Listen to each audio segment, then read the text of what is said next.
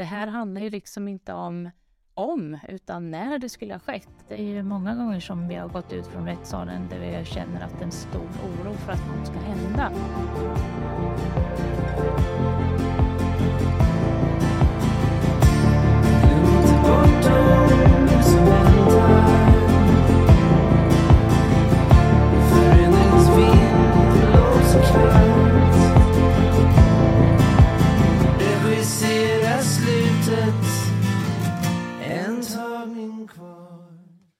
Hej Ulrika och varmt välkommen till Barnrättspodden.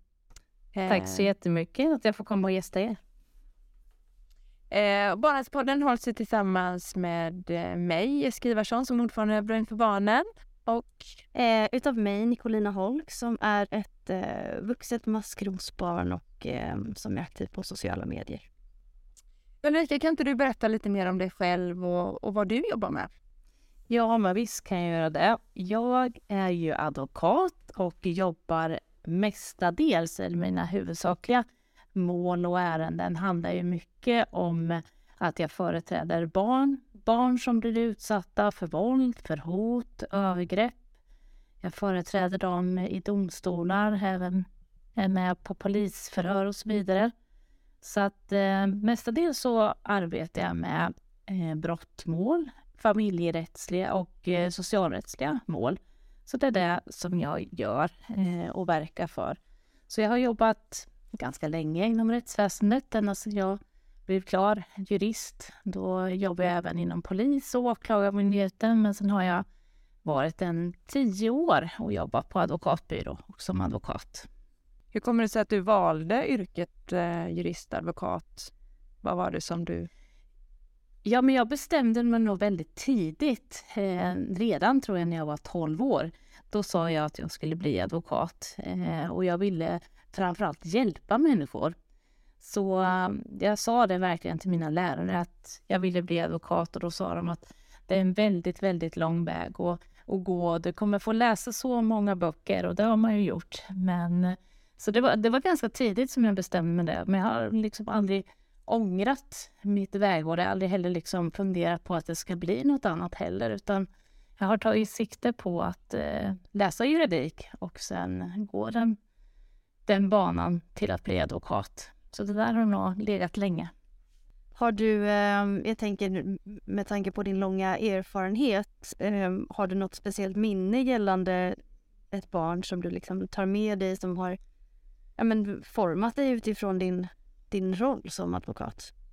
Ja, och det finns väldigt många eh, minnen som verkligen sitter kvar som man blir väldigt berörd av. Och det är väl framför allt de här samtalen som man kanske får en, en natt eller en kväll sådär som man har haft en ganska långvarig kontakt med en klient som man har företrätt och som har en oerhörd ångest och ett psykiskt lidande över övergrepp och mycket som eh, man har fått illa av. Eh, och eh, när man hör tåg i bakgrunden och det finns klienter som då väljer att försöka ta sina liv och att man har haft de där samtalen, att man får ringa och försöka vara någon stöttande hjälpmänniska. Eh, och så det handlar ju liksom inte bara om att vara en advokat och företräda utan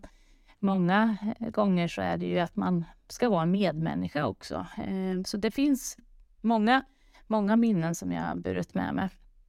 Men eh, också ändå ganska förhopp, eller hoppfullhet i att det är många som har mått väldigt dåligt och det har varit långa processer som de har gått igenom. Men de har klarat det och sen när de väl har varit genom den här processen så har man kommit att få höra att de mår faktiskt mycket bättre och det, det värmer ju och det är en drivkraft till att kunna fortsätta för det är ju väldigt tunga mål som man, eh, ja, många livsöden som man får höra när man jobbar. För oss så är ju du en riktig barnrättskämpe Ulrika. Varför ehm, varför tycker du att det är viktigt med barn, barns rättigheter och varför dras du åt det hållet? Ja, men barn skulle jag vilja säga, det är det viktigaste vi har. Det är ju, barnen är ju vår framtid.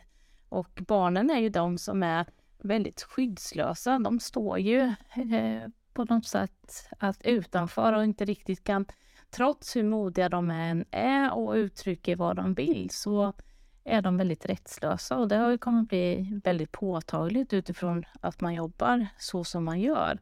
Att eh, de är väldigt skyddslösa helt enkelt och det där har ju man känner ju att man värnar om deras eh, skydd och deras trygghet och deras möjligheter till att få ett värdigt liv. Så att det är väl en drivkraft helt och hållet eh, att försöka stötta så många barn som möjligt helt enkelt. Varför tror du att det är att barn är alltså, rättslösa som, man, som, som de faktiskt är? Alltså vuxna har ju alltid ett juridiskt ombud i alla tvister eller i alla mål, men så ser det inte ut för barn.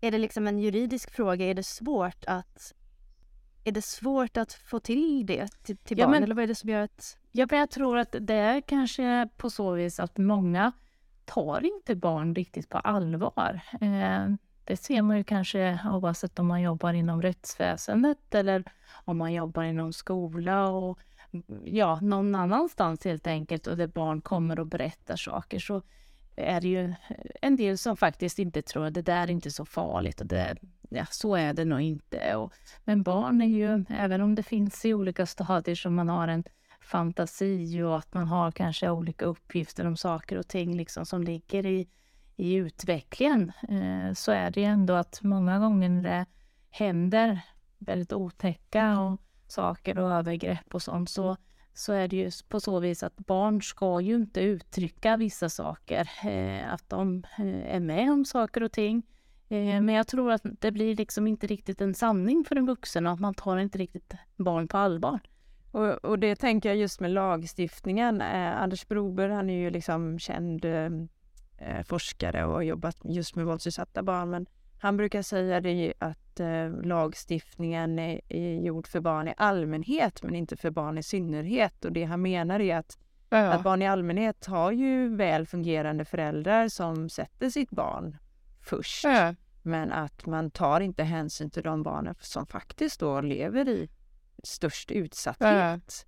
Eh, hur tänker du kring det och vår lagstiftning? Nej men så är det ju jag håller till fullo med att så är det nog absolut. Eh, att det är på så vis. Och det ser man väl oavsett kanske att det är i vissa olika processer så kanske det är välfungerande om man uttrycker sig så för föräldrar där det, där det faktiskt är ett, ett, samarbete som inte fungerar. Man har liksom olika åsikter om eh, ganska mindre allvarliga saker till att det blir ju den här andra frågor där faktiskt barn far väldigt illa. Eh, och där är inte lagstiftningen anpassad utifrån att liksom tillgodose barnens bästa och barnets behov. Det, det ser vi ju att det saknas brister. Det, alltså, bara det som eh, vi har varit inne på många gånger och som är uppe till debatt det här med egna ombud, att det borde ju vara en självklarhet, precis som en vuxen person har det. Eh, så att, att, att man inte som barn eller varje individ har det, när det faktiskt handlar om sin eget liv, så gör man ju en skillnad där faktiskt om man är vuxen eller en barn. Och det tycker jag är ju så fel. Mm. Um, vi tänker just i det här avsnittet att vi ska fokusera på, på ett område som, som även tidigare uppmärksammats flera gånger om och speciellt när man, man verkar inom eh, barnrätt så, så har man ju haft koll på det.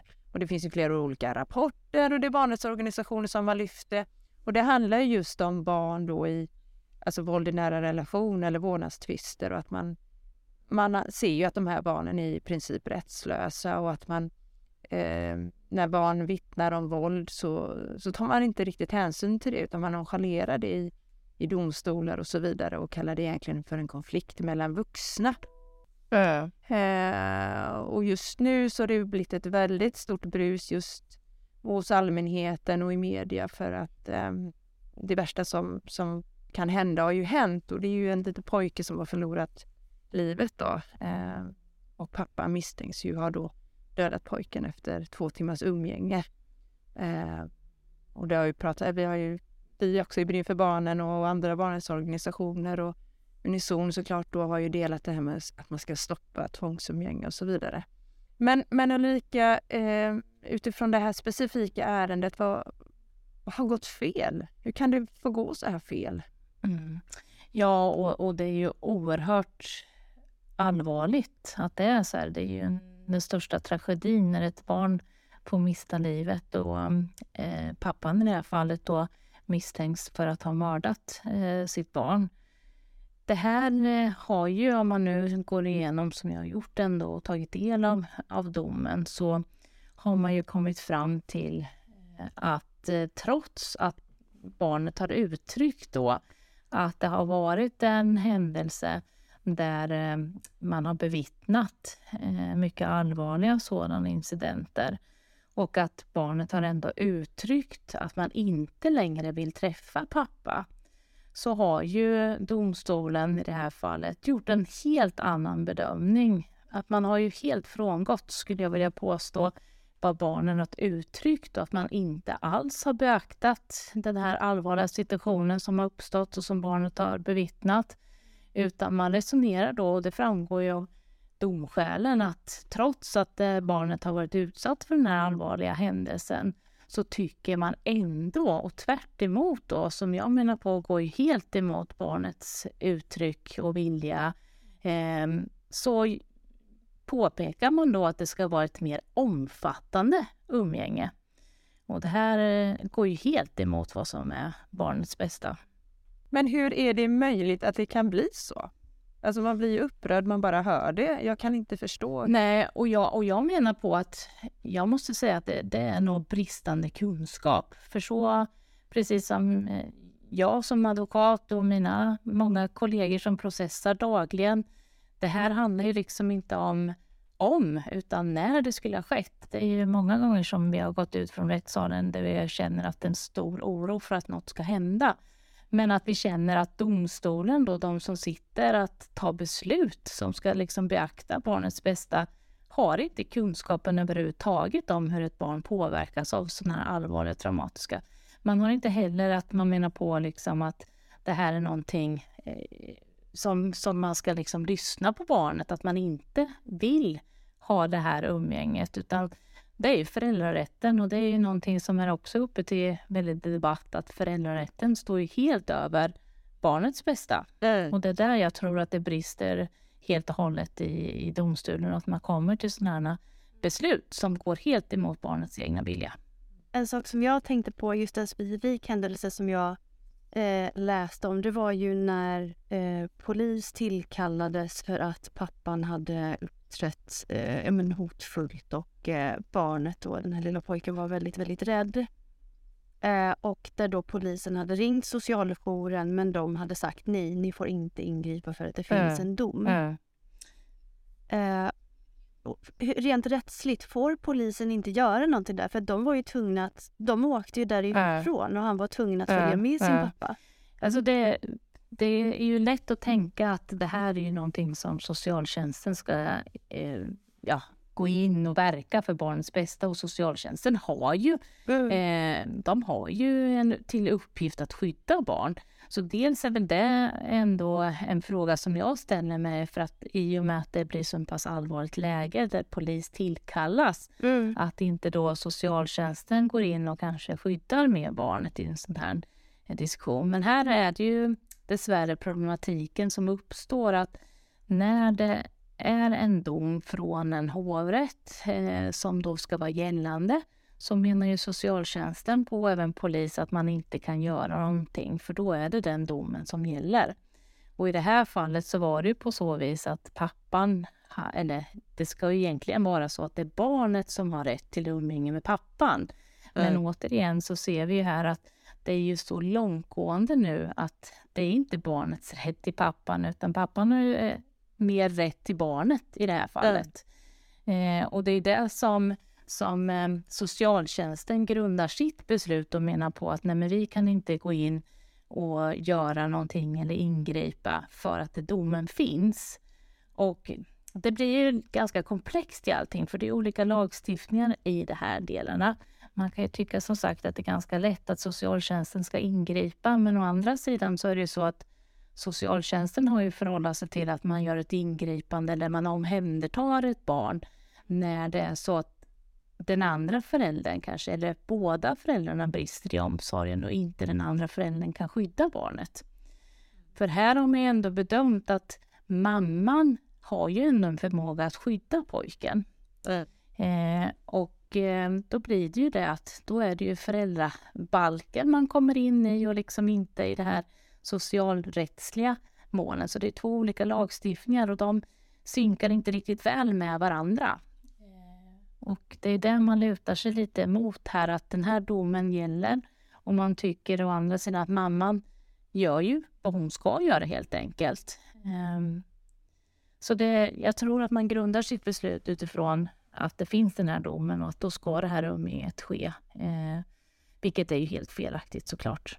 Men då blir jag ju så här när du berättar detta Ulrika, känner mig så här, barnen är ju helt rättslösa. Ja, eftersom de får ju inte riktigt eh, uttrycka alls vad de vill. Det följs ju inte upp heller.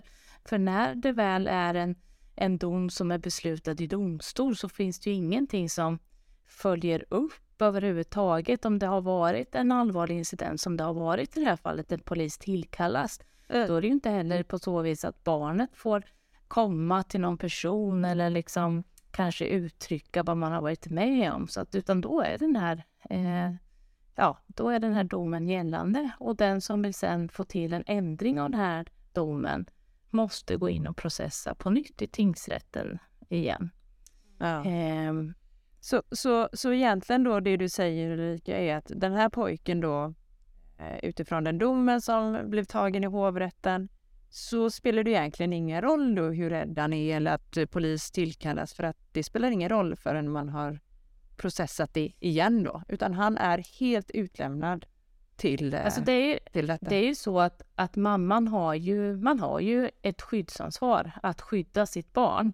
Och mm. det är ju den situationen som uppstår i det här läget. Så att mm. eh, är det sådana uppkomna situationer så är det ju oftast en förälder som tar kontakt med socialtjänsten och tar kontakt med sociala jouren när det uppkommer sådana här allvarliga situationer eftersom man vet inte riktigt hur man ska hantera. Dels är man rädd då för att få emot sig att man förstör umgänget, att man ska se som att man ja, ett umgängessabotage. Men å andra sidan så finns det ju en jättestor risk för att man gör fel för att man inte skyddar sitt barn. Exakt. Eh, och det där ställs ju emot varandra. Och eh, det är så jag uppfattar många eh, som jag träffar och så många som jag företräder att de vet inte till slut vad de ska göra. De kämpar och kämpar och kämpar. Och de ringer sociala jouren och de säger att ja, du har ju ett föräldraansvar, du måste skydda ditt barn. Men ändå så, så har de inte förmågan att kunna göra det. Eh, och det här är ju oerhört allvarligt och det här är ju oerhört många människor som verkligen kämpar för barnets bästa men känner att man, man till slut så ger upp. Man är vet inte vad man ska göra för att kunna skydda sitt barn. Nej. Ja, det låter ju eh, ja, det låter helt fruktansvärt att det är så. Att lagstiftningen kan vara så, tänker jag. Fyrkantig blir det ju väldigt då. Ja, och många känner ju att man kanske vill ha ett stöd, att socialtjänsten ändå kanske skulle kunna fatta ett beslut om att gör jag rätt som liksom eh, mm. håller, håller mitt barn från den här andra föräldern.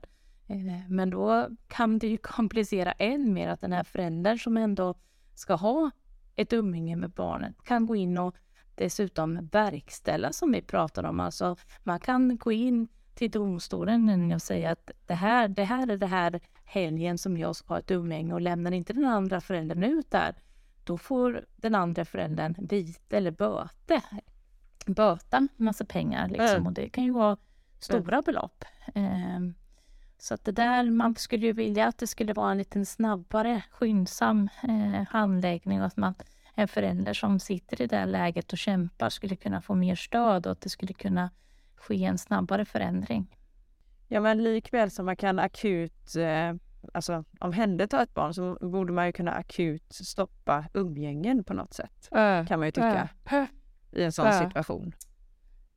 Ja, och där är det ju som sagt, där är ju skyddsansvaret som förälder att man kan ändå när man bedömer eh, att den här, det här barnet kommer fara illa. Men man vet ju aldrig riktigt och, och då kanske det ändå till varje pris ändå domstolarna tycker att barnet ska ha rätt till båda sina föräldrar. Så man får inte riktigt kanske gehör för heller att det inte ska vara ett umgänge alls då. Eh, och det är ju många föräldrar som hamnar i det läget också, att man tycker inte det är lämpligt eh, att barnet har ett umgänge med en våldsutövad förälder. Och det är ju som man också har tagit upp många gånger att eh, det handlar ju om att inte, att det inte ska vara fysiskt våld utan så många andra våldskapital. Liksom. Det är ju psykiskt våld, mm. det är materiellt våld, latent våld. Det, och det är där som vi ser att det brister i den här eh, kunskapen om och faktiskt våld, att det innefattar så mycket. Mm. Ja, någonting som jag tycker känns så, så absurt. Jag, jag, jag, får liksom inte grepp om hur det är möjligt att... För att vi som vuxna människor, vi tvingas ju aldrig någonsin till umgänge med vår förövare om vi liksom har blivit utsatta för något brott. Eh, men barn tvingas till umgänge med sina förövare konstant. Mm. Mm. Hela tiden. Och jag förstår inte hur, hur kan vi jag menar, så hur kan vi som land försvara att, att, att barn som är så... Eh, som inte kan skydda sig själva är de enda som faktiskt mm. tvingas till umgänge som brottsoffer. Och boende. Ja, mm. och boende. Ja, men precis. Att de tvingas bo med en våldsam förälder också. Eller en, en förälder som liksom... Eh, där, där det pågår psykisk misshandel eller försummelse till exempel.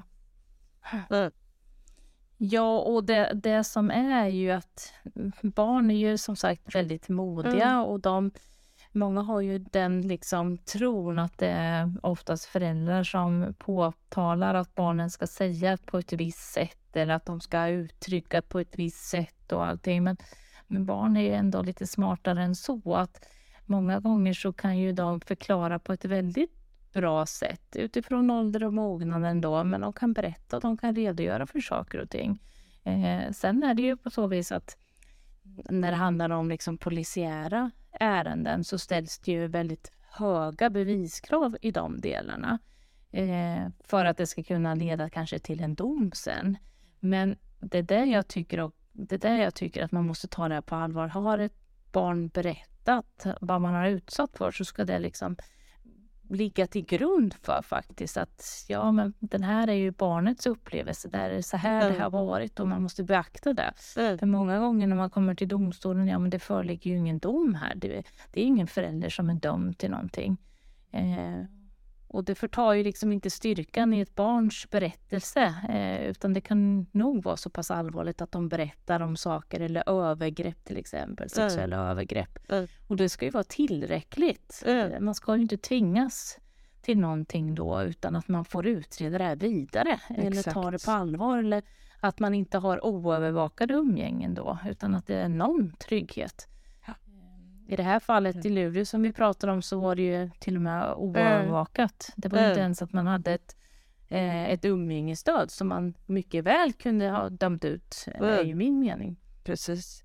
Nej, och det är precis det du säger att om ett barn uttrycker en stark ovilja att träffa den andra föräldern eller båda föräldrarna kan det också vara i vissa fall, men, men och också visar då kanske små barn visar eh, fysiska, alltså eh, Alltså man visar fysiskt, man kanske går tillbaka i utvecklingen eller man kissar på sig eller vad det nu kan vara. Ja. Eh, mm. Eller blir ledsen på olika sätt. Så borde man ju ta det på allvar och utreda det ja. vidare.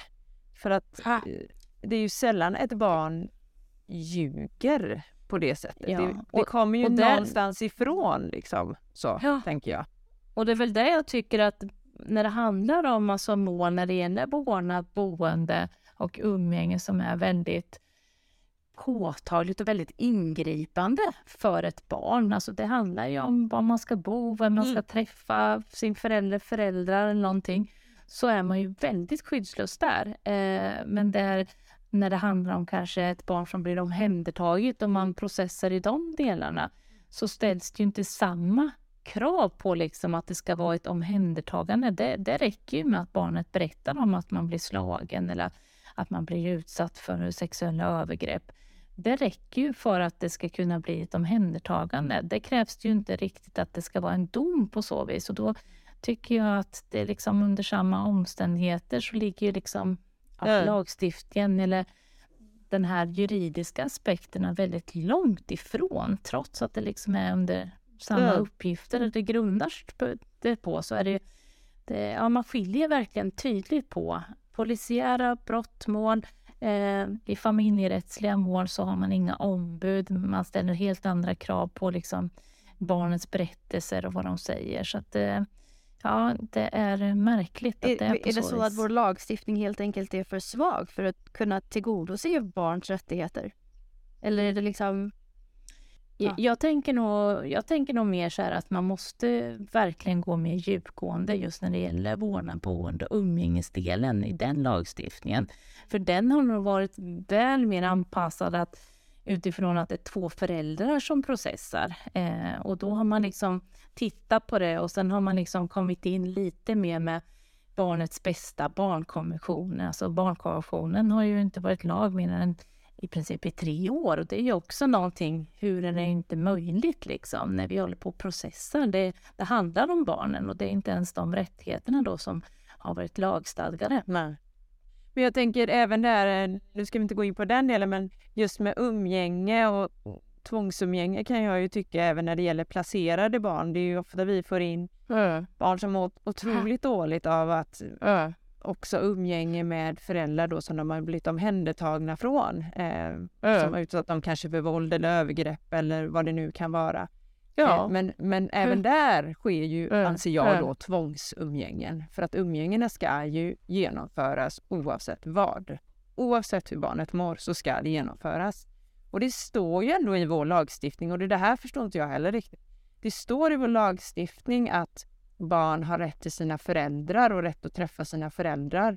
Men det, det, är inte det det handlar om. För hur ofta har ett barn tvingat en förälder som inte vill träffa dem att få träffa sin mamma eller pappa. Förstår ni vad jag Nej, menar? Precis. Utan det är ju, alltså hela, hela, hela lagstiftningen har ju gått åt det andra hållet. Det är ju liksom för föräldrarnas eller de vuxnas rättigheter man utgår från. Ja, för, för där är det verkligen en poäng som du har Jessica, för att eh, så som det är i, i nuläget och med den lagstiftningen så kan det ju faktiskt vara att man tänker att det är ett barn som vill träffa en annan förälder men som helt försummat barnet och har inte något intresse överhuvudtaget. Mm. Så är det ju inte några krav som ställs att, att man ska verka för eller man kan ju aldrig liksom Nej. döma ut ett umgänge, eh, att ett barn vill ha ett umgänge med förälder som inte vill det. Men Nej. tvärtom går bra, precis som du säger, att, att påtvinga ett barn ett umgänge med mm. en förälder som, eller föräldrar som eh, har eh, utövat våld eller påtryckningar eller som har skadat barnen. Mm. Men utifrån din erfarenhet, om vi tar ärenden som liknar Tintins då, hur, hur, hur ser det ut egentligen alltså med de ärendena? Är, de, är det likt Tintins att man att det blir att man får träffa föräldrarna eller att det blir boenden fast det finns bevis på att den här föräldern har utövat någon form av våld eller ja, vad det nu kan vara. Jo, men alltså jag delar nog den uppfattningen med, med många. Eh, mm. Dels barnrättsorganisationer, kollegor, där man ändå ser att Tintins eh, fall är ju inte ett undantag. Ja, undantaget är ju dessvärre och den tragedin att, att eh, det gick så långt som att det inte får hända att, att barnet mister mm. livet till det. Men men det vi kan ändå se, det vi processar väldigt många gånger är ju att barn påtvingas trots att man säger och uttrycker att man inte vill ha ett, ett umgänge. Och jag, min uppfattning är ju att man ska försöka liksom till varje pris hitta någon lösning, någon förlikning, någon överenskommelse. Hur når vi liksom att barnen ska ha ett umgänge med båda föräldrarna? Eh, så, så, så, så är ju verkligheten många gånger. Det, det är så den ser ut. Men jag tänker, pratar du någon gång med barnen i vårdnadstvister eller hur? Eller får du bara föräldraperspektivet? Nej. Ja, vi, vi, är ju, vi är ju förhindrade att liksom mm. prata med barnen på så vis utan den som vi företräder är ju en av föräldrarna så att säga i de målen. Så det blir ju aldrig att, att vi får eh, ja, ha några samtal med barnen eller på så vis i, i samma omfattning som när vi är förordnade som juridiska ombud för barnen. Eh, det är ju socialtjänsten nu som det ligger i deras ansvar, den myndigheten, att de ska föra de här samtalen eh, med barnen. Men det kan ju handla om att det är ett samtal med ett barn och eh, de kommer dit och de liksom till socialtjänstens lokaler och det känns väldigt... Man försöker väl kanske att förklara vad man, vad man har för uppgift och så socialtjänsthandläggare och prata med barnet och man försöker liksom ge en bild och man kan ju komma flera gånger. Det, det är väl så det kan vara, men oftast är det ju att man tillkallas kanske till socialtjänstens lokaler och där ska man under kanske en timme då berätta vad man vill och inte vill. Eh, och det blir ju komplext. Mm. Ja, det, jag kan ju minnas själv hur det var att prata med socialtjänsten när jag var barn och det var ju äh. alltid otroligt eh, svårt och jobbigt. Äh. Ofta var det också nya socialsekreterare alltså, varje gång så att man hann inte skapa någon relation. Eh, nu pratar jag ju liksom, ja, inte riktigt samma. Men, men det Nej, men känslan av att, att komma till någon som man inte har träffat förut och ja. sen ska man öppna upp och börja berätta ja de mest traumatiska saker som finns är ju oerhört svårt förstås. Ja, verkligen. Jag tänkte, finns det något annat land som jobbar annorlunda än oss och har ett mer barnrättsperspektiv utifrån när det gäller då våld i nära relation eller vårdnadstvister eller vad vi vad man kan kalla det för?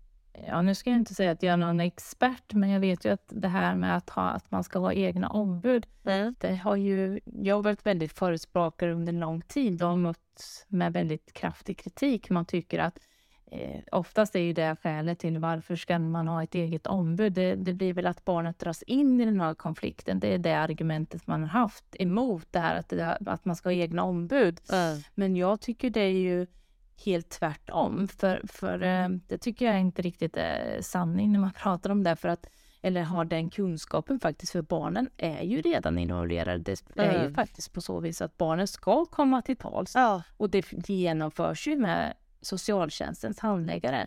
Och där vet man ju inte alls vad de har för expertis, vad har de för erfarenhet, eh, hur ställer de frågorna till barnen? Min uppfattning och upplevelse när jag läser många av utredningen är ju att det sker väldigt många ledande frågor, eh, vilket man inte får ställa till barn. Nej. Så att, att man har den erfarenheten som att hålla barnsamtal, det varierar ju mm. i olika liksom, kommuner och olika handläggare. Men man har ju som sagt börjat lyfta den här tanken nu med åren, tycker jag. Att man liksom har, ja men det, man tittar mer och mer liksom. Och nu är det ju väldigt uppe till debatt att klart att man ska ha, och det är ganska självklart för många att det, mm. det ska vara egna ombud. Men jag var på kurs med de erfarna och rutinerade som har mycket eh, ja, erfarenheter och då har man ju tittat på USA, Amerika, där min uppfattning eh, är ju att man har egna ombud och där har man ju sett en oerhörd skillnad faktiskt på eh, att det har blivit mycket bättre för barnen att komma till uttryck. För det blir ju att man följer upp barnsamtalen. Man, man får ju en mer eh, en, liksom, en djupgående kontakt och man kan följa mm. upp vad barnen har sagt och att man skapar ett förtroende helt enkelt för barnen. Och att det inte är det här liksom att man kommer till en tom i princip lokal där man ska sätta sig. Det är ju inte anpassat överhuvudtaget för att kanske hålla några barnsamtal. Um, så att... Nej, och jag tänker också att barnen eh, får en känsla av att man blir lyssnad uh. på för första gången kanske, uh. om man har ett, ett ombud. Uh.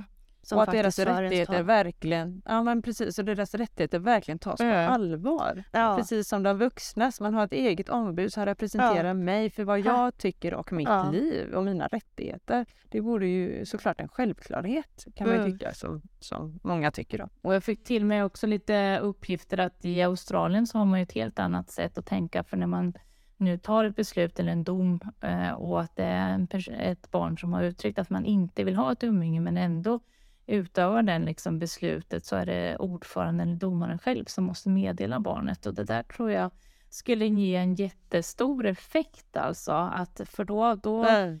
får man ju gå till sig själv och resonera lite. Hur ska jag lägga fram det Står jag bakom det här beslutet? Och jag tror att det blir ett större ansvar för att, att man eh, gå lite mer djupgående på, är det här faktiskt barnets bästa? Har vi tagit, beaktat alla delar liksom? Och, ja, har det... Mm. Så att eh, det finns Ja, det mycket... kanske krävs en, en annan kompetens också tänker jag utav de som, som ska föra barnens talan, vilket jag skulle tro kanske behövs idag. Eh, Ja, Alltså, Och där har vi resonerat om att man skulle liksom vilja ha mer specialiserade liksom, avdelningar eller mer liksom, anpassade utifrån erfarenhet. Och Mm. precis som det ställs krav för oss när det gäller att företräda barn i andra delar, alltså socialrättsliga, så ska man ju ha en, eh, en eh, kompetens att kunna företräda barn. Det ställs ju de, eh, de kraven på oss och det tycker jag ju att det skulle vara ju krav i alla olika led i rättsväsendet. Jag läste om ett, om ett fall också i Frankrike där domaren faktiskt pratade direkt med barnet och frågade vad barnet ville. Och det tyckte jag var fantastiskt. Så det går ju. Ja, men det är så många gånger tror jag att det skulle vara möjlighet att man måste ha mer underlag. Eh, nu har man det här samtalet, så ska domstolen döma på det, för de vill ju inte döma i någonting, utan de har ju en utredningsskyldighet. Så skulle det liksom finnas mer ändå uppgifter eller göra bedömningar utan vad, vad finns, vad föreligger det för hotbild, vad är det för risker, vad är det, att man mer gör djupgående eh, bedömningar när det gäller de delarna så att man får en sån riskbedömning. Idag så är det ju kanske ett stycke i, i den här familjerättsliga utredningen där socialhandläggaren då kommer fram till de här riskerna finns det. Kontra i andra mål så har man ju noga gått igenom vad det är för risker, vad finns det för hotbild, vad kan tänkas hända och så. Och det tror jag måste till också för att kunna göra en, en noggrann bedömning. Mm. Såklart. Men eh, vad skulle du vilja se för förändringar då för de här barnen? Ulrika? Dels så handlar det ju om att höja kompetensen, självklart. Eh, det är så jag ser i domstolarna, att det måste eh, ändå beaktas, den kunskapen. Sen ser jag ju det som jag förespråkat och många med mig, att de får sina egna ombud helt enkelt. Och sen är det ju som sagt då att man att föräldrarätten inte får stå över eh, barnrätten Mm. helt enkelt. Och att det här tvångsumgänget, det måste ju upphöra. Det är ju, det är ju som sagt det enda brottsoffret som tvingas till umgänge helt enkelt. Mm. Och sen så, den är ju en allvarlig del i det hela också att en förälder som är dömd, att man har utövat våld eller upprepade tillfällen eller någonting närstående. Där ska det verkligen inte utdömas något umgänge utan noga övervägas att, eller utdömas med stor försiktighet. Men det är ju verkligen någonting som man måste bedöma och överväga. Men vad tror du händer nu framöver då? Tror du det blir någon förändring för de här barnen nu när det har liksom blivit en sån stor del i media och det uppmärksammas och allmänheten tar del av detta? Tror du det blir en förändring nu? Jag skulle vilja säga att det måste bli en förändring. Eh, det måste till en förändring. Det, det, för mig handlar det inte om om det blir en förändring, utan det måste bli en förändring. Vill vi inte se några mer tragiska, eh, allvarliga delar, för att vi kan ju konstatera att det är väldigt många som far så illa och, och barn är så pass redan skadade och far så illa i det här så att det, det måste till en förändring nu. Så är det bara. Mm. Är det något du vill skicka med våra lyssnare nu innan vi, vi avslutar samtalet med dig? Ja, men jag tänker att det är så viktigt att lyssna på barn, eh, fortsätta att orosanmäla, fortsätta att vara den där rösten eller öronen när, när man hör att ett barn kanske vill berätta eller vara öppen och lyhörd och göra allt vad man kan för att finnas där för barnen eh, och fortsätta att värna om barnen. modiga vuxna. Tusen, eh, tusen tack eh, för att du ville vara med Ulrika. Eh, och tack för allting som du, som du gör för barn i utsatthet. Ja, och tack så mycket till er. Tack så mycket för att ni kämpar så mycket. Ja, tusen tack Ulrika. Tack. Brinner för barnen, brinner för dem, brinner för det som inte somnar om, så hårdare mot fienden.